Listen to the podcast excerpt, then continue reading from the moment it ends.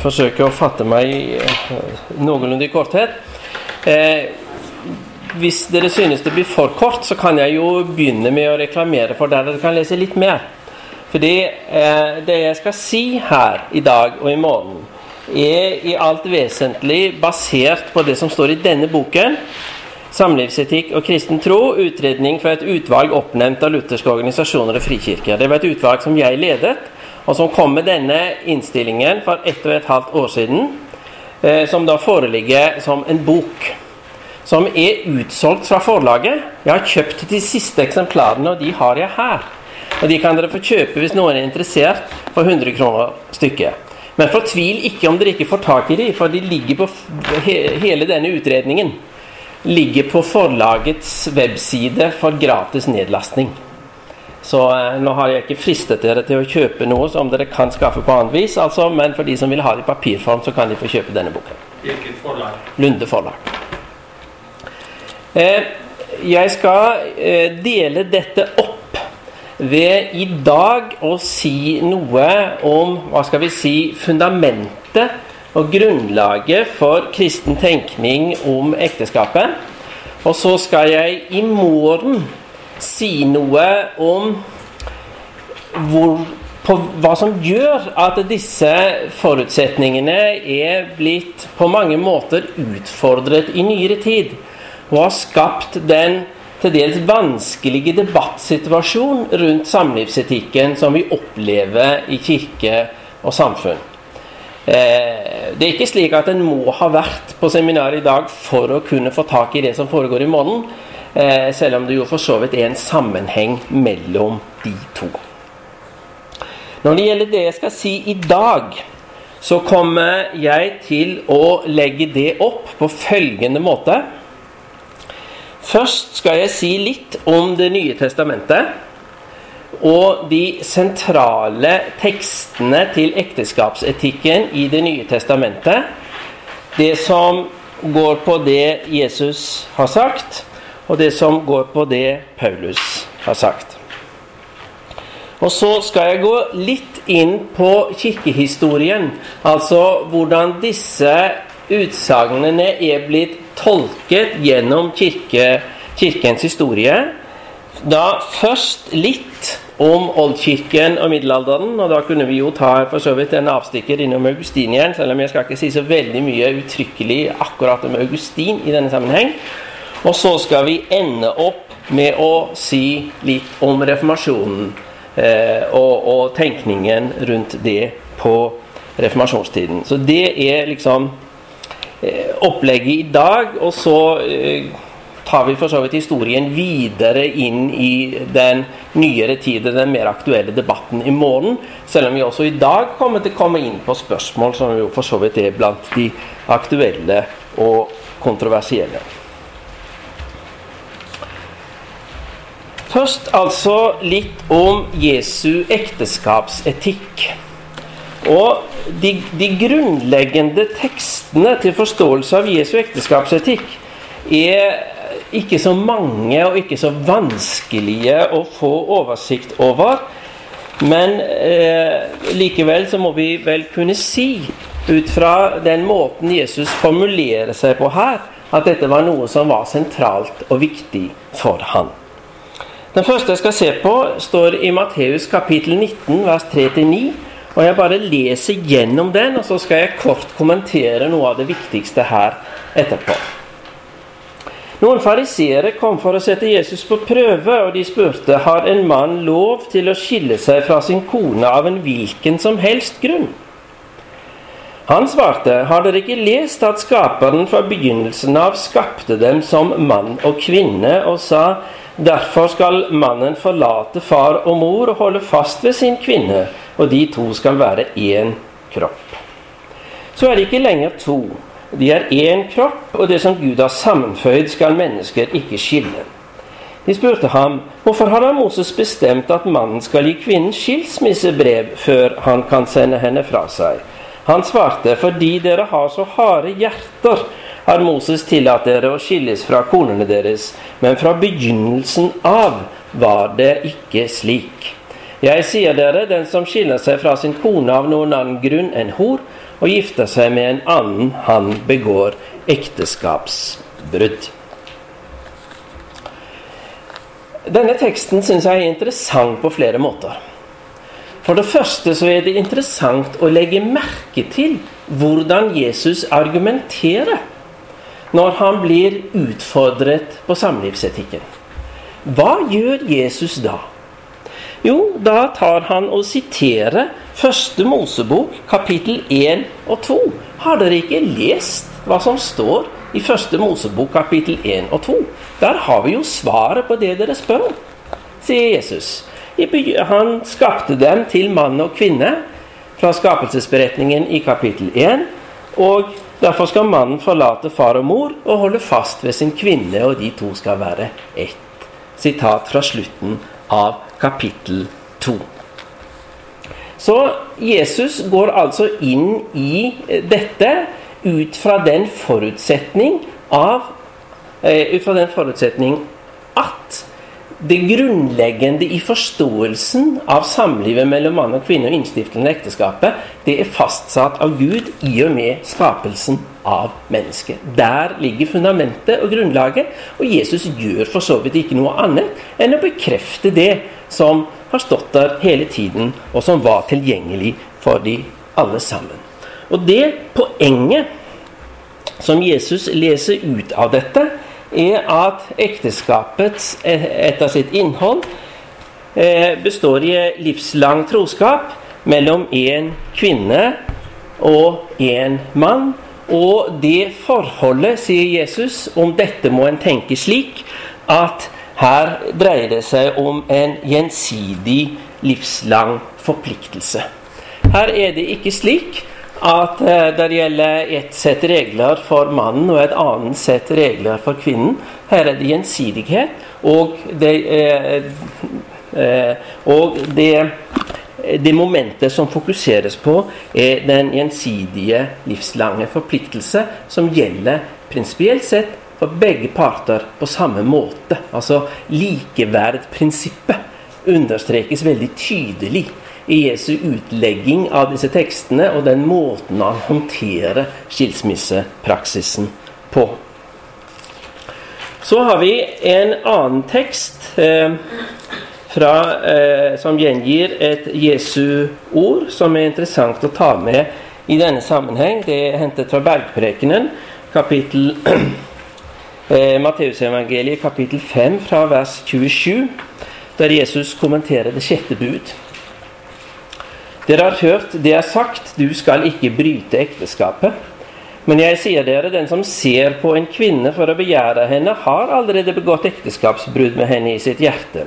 Om ditt høyre øye lokker deg til fall, så riv det ut og kast det fra deg. For det er bedre for deg å miste én kroppsdel enn at hele kroppen blir kastet i helvete. Og om din høyre hånd lokker deg til fall, så hugg den av og kast den fra deg. For det er bedre for deg å miste én kroppsdel enn at hele kroppen kommer til helvete. Det er sagt. Den som skiller seg fra sin kone, skal gi henne skilsmissebrev. Men jeg sier dere, den som skiller seg fra sin kone av noen annen grunn enn hor, blir skyldig i at det begås ekteskapsbrudd med henne. Og den som gifter seg med en fraskilt kvinne, bryter ekteskapet. Det som er poenget her, er jo at Jesus utlegger ekte, ekteskapsbudet, det sjette budet, som en avvisning av alt som kan minne om eller føre i retning av utroskap. Altså Jesus vil bort fra den holdning som sier at kanskje jeg kan gå så langt uten at dette blir galt, men hvis jeg går lenger, så blir det feil. Altså, Det er den måten å tenke på Jesus vil bort fra. Ekteskapsforpliktelsen forstår, Jesus som en overordnet ramme.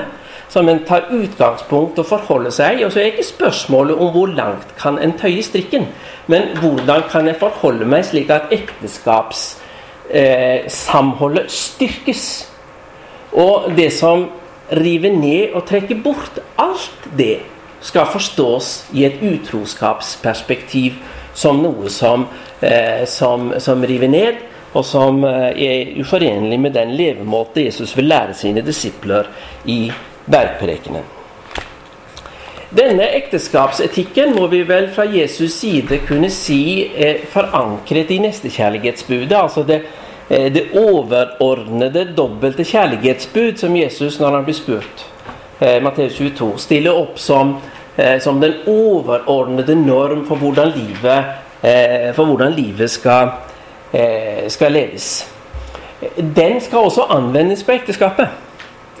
Eh, det er det som ligger, jeg tror, jeg, jeg tror vi kunne si ligger til grunn for Jesu undervisning om ekteskapet. Altså hvordan kan du respektere din ektefelle som din neste?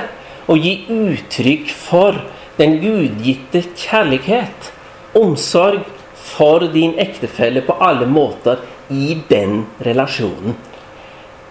Nestekjærlighetsbudet gjelder i alle relasjoner, men det gjelder spesielt og kommer spesielt til uttrykk i ekteskapsrelasjonen som den nærmeste og, mest forpliktende. Og det er i dette perspektiv vi må se Jesu avvisning av skilsmisse. Eh, fordi en kan ikke i utgangspunktet ivareta nestekjærlighetsbudet overfor sin ektefelle, samtidig som en sier 'nei, mitt løfte til deg bryr jeg meg ikke om, du kan bare gå den vei'. Eh, det blir eh, rett og slett en motsetning eh, som er for sterk.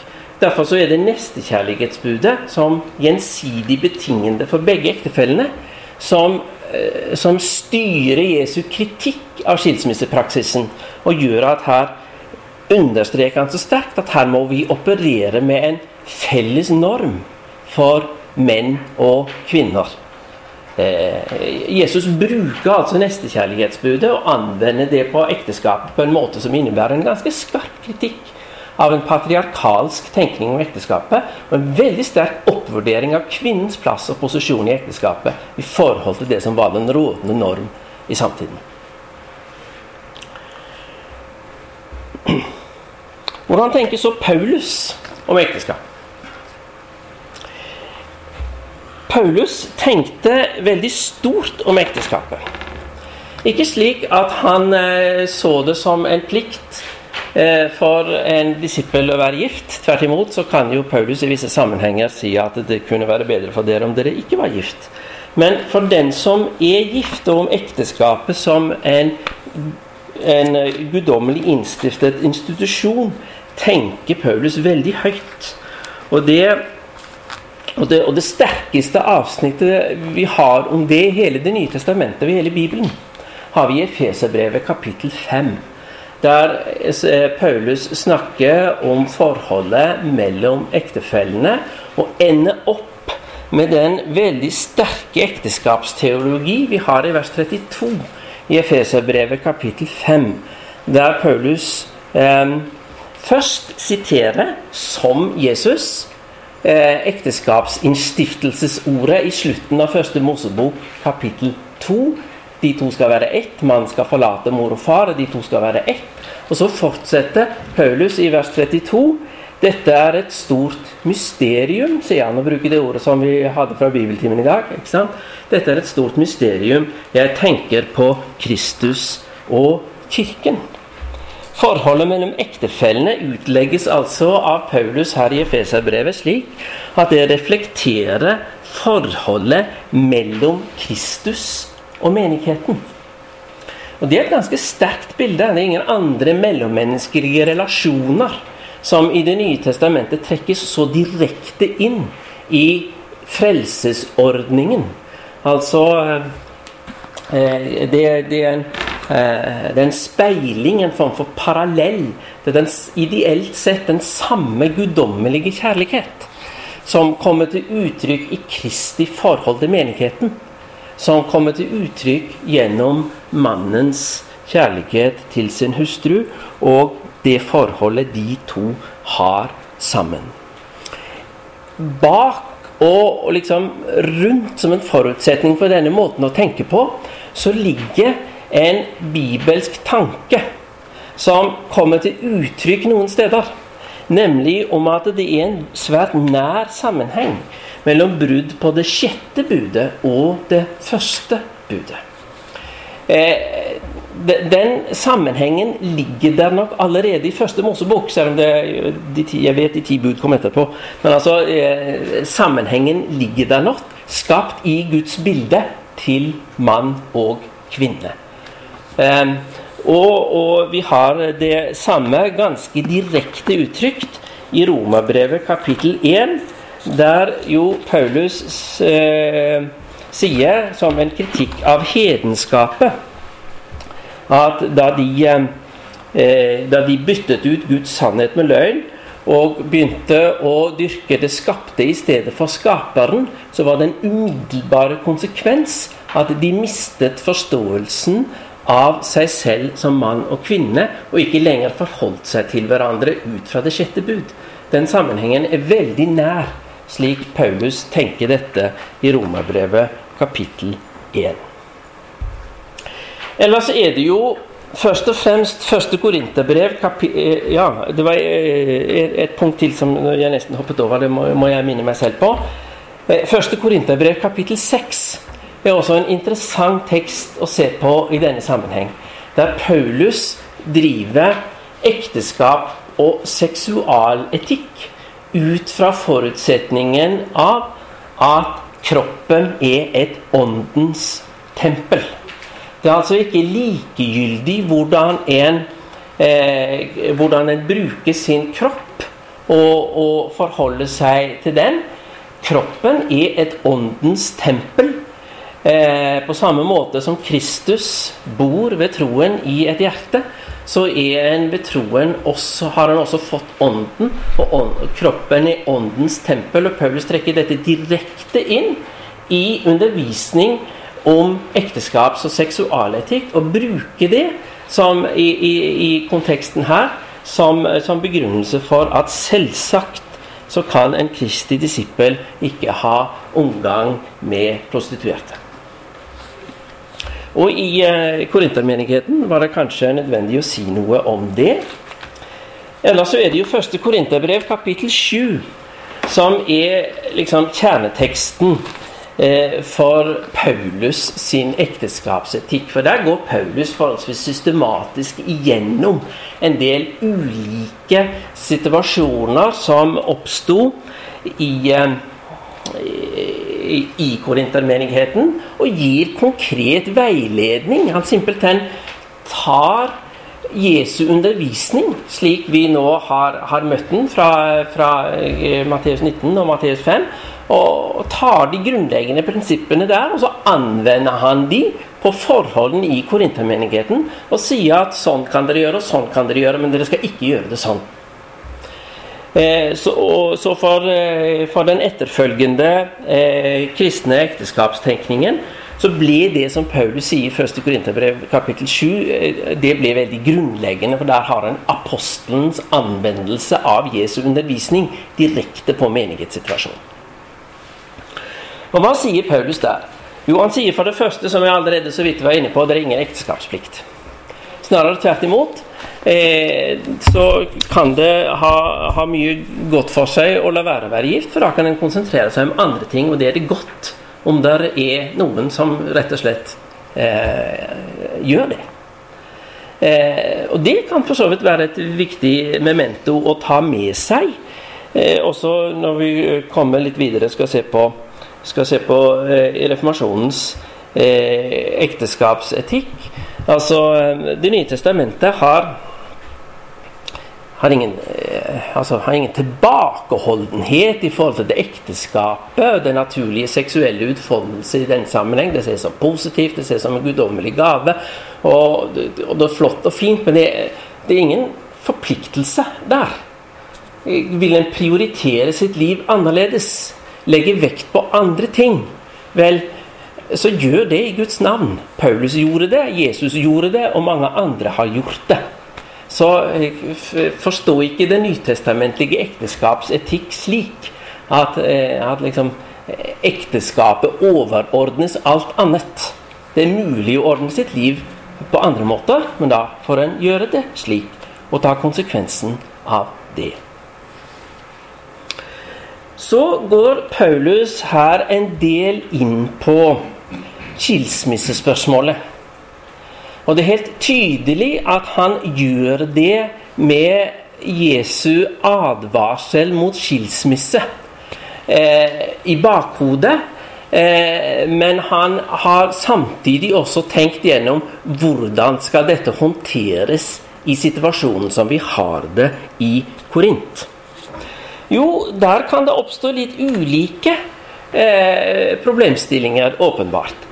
Vi kan for det første så kan det være slik at en troende eh, har en vantro ektefelle som ønsker å bryte ut av ekteskapet.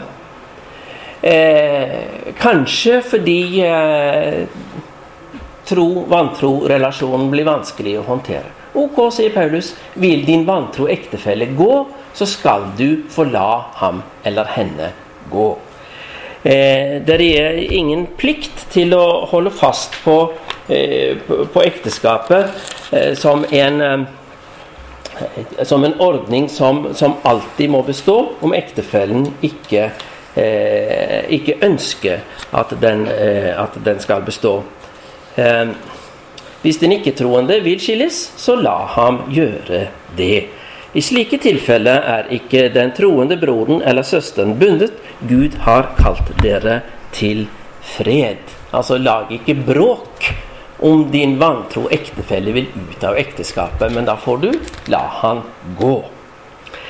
Samtidig så ser det ut til at Paulus forutsetter at i utgangspunktet så vil den troende ektefelle ikke bryte ut av ekteskapet med den begrunnelsen.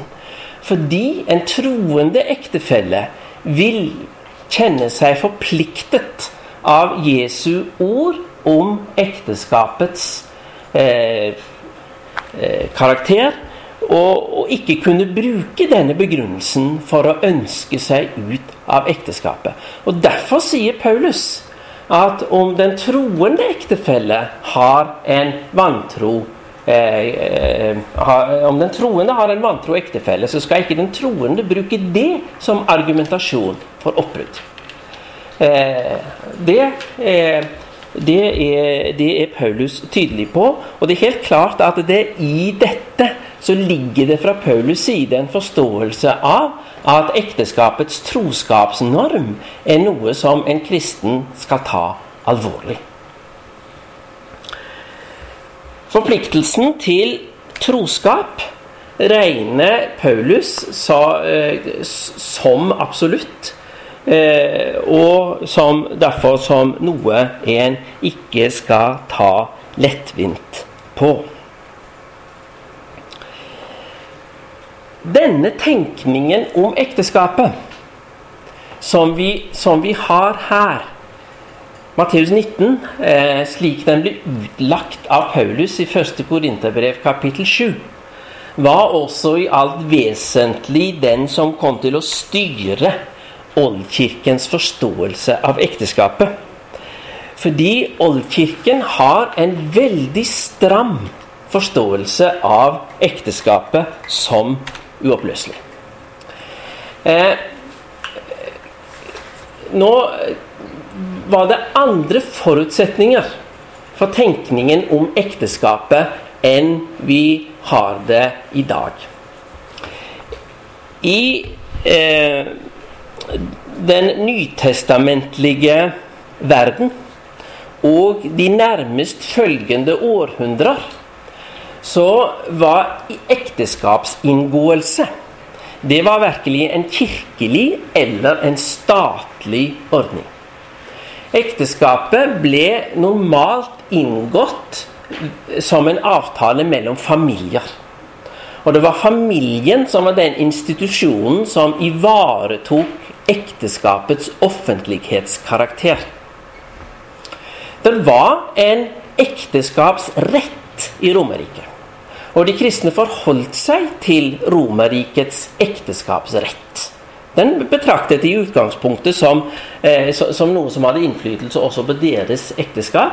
Men de stilte tilleggsbetingelser som de begrunnet i eh, det nytestamentlige ekteskaps, eh, eh ekteskapsforståelsen. Eh, som de da betraktet som et utgangspunktet forbud mot skilsmisse og et forbud mot, eh, mot konkubinat, altså løsere eh, forbindelser. Så, eh, det vi, vi, ville kalle samboerskap. Altså løsere forbindelser. Eh, det er interessante ting i den sammenheng også fra Augustins biografi, for så vidt. Eh, dette, denne forståelsen av ekteskapet var av ekteskapets uoppløselighet var i Oldkirken, i hvert fall på teoriplanet, veldig absolutt. Vi ville betrakte den som kanskje vel streng. Eh, noen sa at eh, ekteskapets engang, noen oppfattet ekteskapets engangskarakter så strengt at de til og med satte forbud mot nytt ekteskap etter tidligere ektefelles død. Eh, det betrakter vi normalt ikke som problematisk i det hele tatt. Jeg er ikke helt sikker på om det var, eh, det var en normalordning, men noen tenkte slik. Men eh, en hadde i utgangspunktet forbud mot skilsmisse. Så kjente en selvfølgelig til dette at eh, en ektefelle kunne gå ut av ekteskapet, eller at ektefellen kunne eh, ved utroskap bryte, bryte ekteskapet. og det de aksepterte en for så vidt. Og en har en, faktisk en litt sånn interessant diskusjon om utroskapsproblematikken. Fordi det var noen av kirkefedrene som mente at utroskap umuliggjorde et fortsatt samliv. Det ville, bli et trekantforhold. Mens andre tenkte at hvis den utro ektefelle gjør opp, bekjenner, ber om tilgivelse, så kan han få komme tilbake. Eh, eh, det det tenkte en litt ulikt om. Men tanken om nytt ekteskap, også for den, den, den gjenværende i ekteskapet om en hadde brutt ut med utroskap, det forholder en seg i Oldkirken gjennomgående avvisende til. I hvert fall gjelder dette på teoriplanet, og i hvert fall gjelder dette fram til vi fikk den konstantinske folkekirke. Da eh, fikk en jo for så vidt eh, livets mangfold innpå seg også i kirken, og, og, og, måtte, og, måtte, håndtere dette litt mer fleksibelt. Så det finnes også tilløp hos kirkefedrene til en argumentasjon for at en kan tenke seg nytt ekteskap etter at den ene hadde vært utro, men det er ikke det en Normalt tenker en ikke slik. I middelalderen utviklet det seg så i retning av det som eh, nå etter hvert er blitt det vanlige, nemlig en kirkelig ekteskapsinngåelse.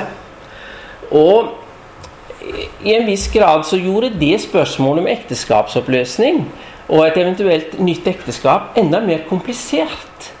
Fordi nå var jo ekteskapsløftet uttrykkelig avlagt for Guds åsyn. Og etter hvert begynte han også å tenke om dette som et kirkelig sakrament. ikke sant? Som, eh, som på en måte involverte en i den guddommelige troskap. altså Det var perspektiv fra Efesene 5 ble anvendt veldig, på, veldig direkte på ekteskapet. Og, eh, og en fikk eh, Og det var med det som utgangspunkt slett ikke så enkelt å håndtere skilsmisseproblemet.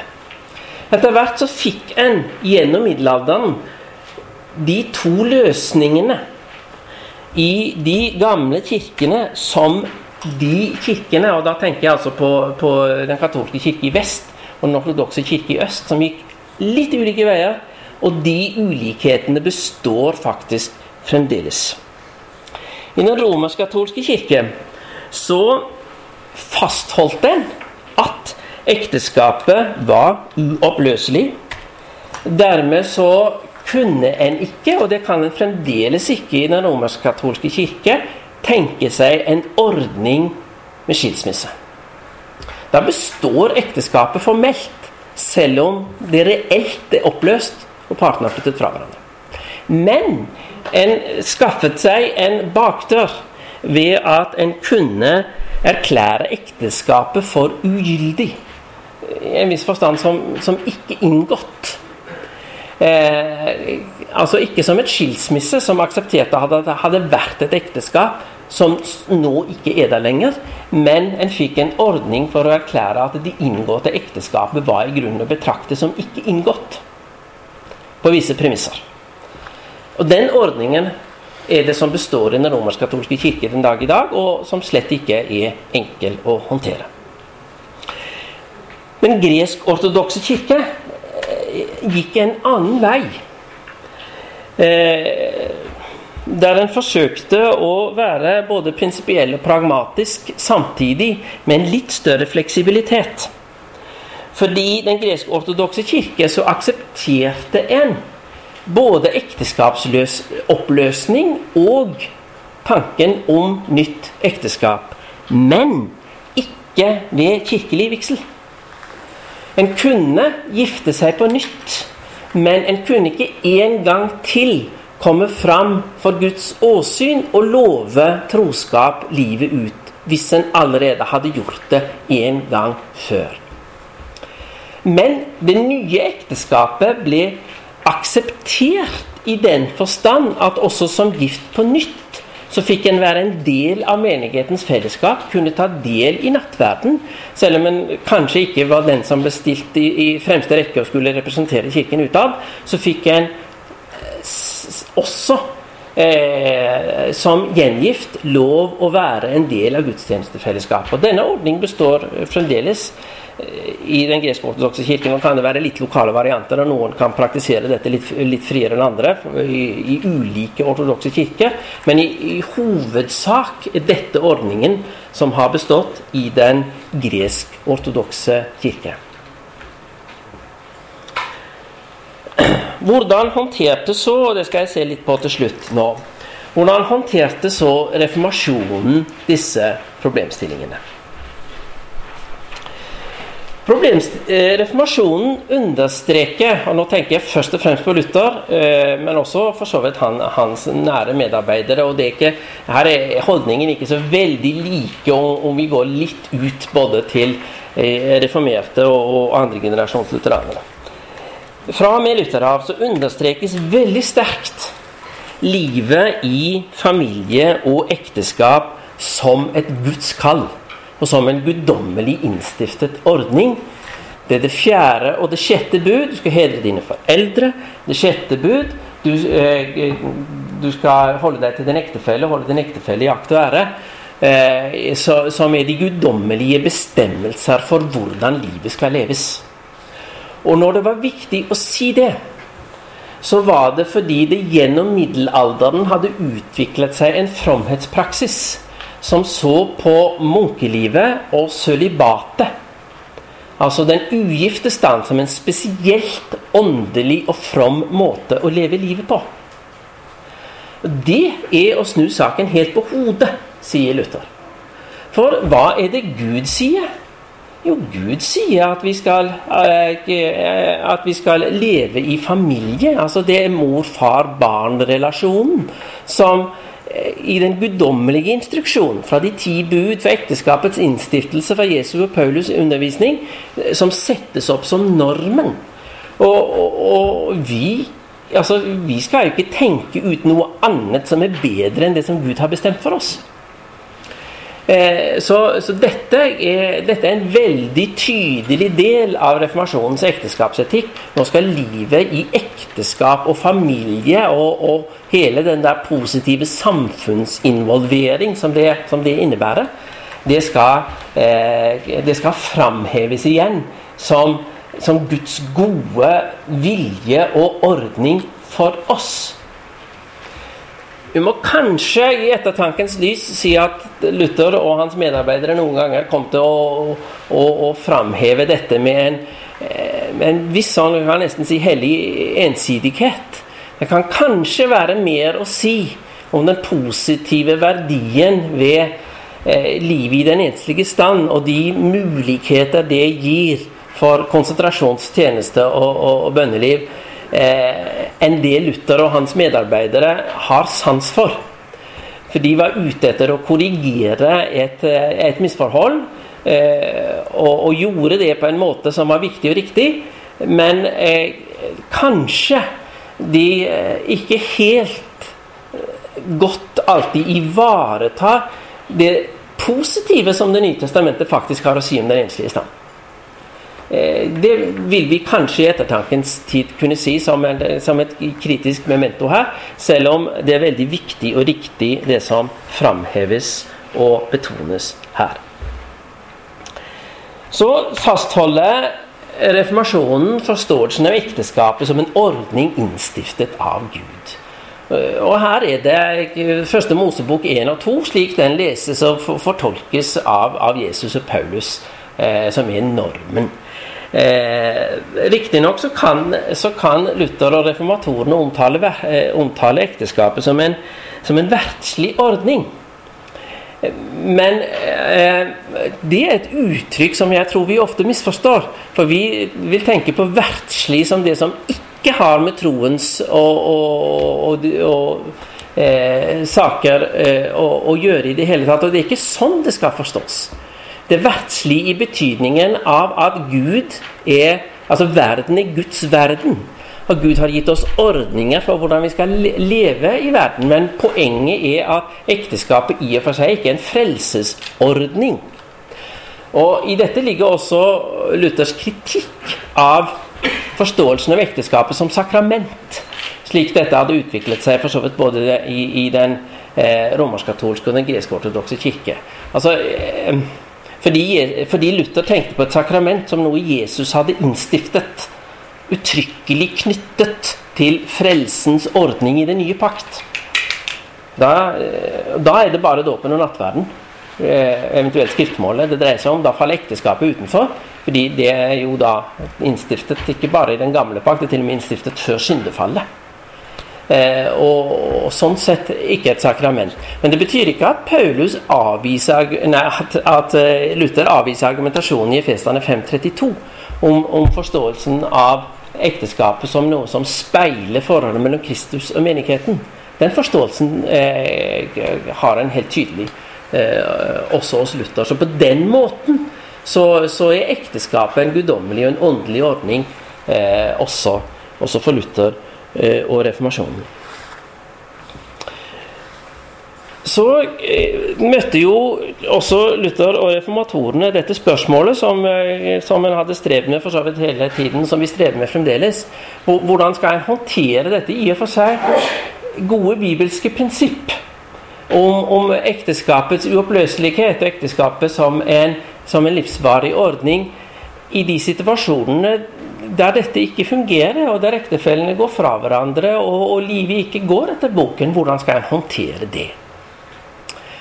Vel, Luthers forsøk på å løse det var å si at den såkalt uskyldige part fikk rett til å gifte seg på nytt. Eh, da går han nok kanskje noe lenger enn det Paulus gjør f.eks. i 1. Korinterbrev kapittel 7, der, der, Paulus sier at ok, den ektefellen som vil ut av ekteskapet, får, få gå i fred. Men så kommenterer ikke Paulus uttrykkelig hva, hvordan skal en håndtere livets fortsettelse.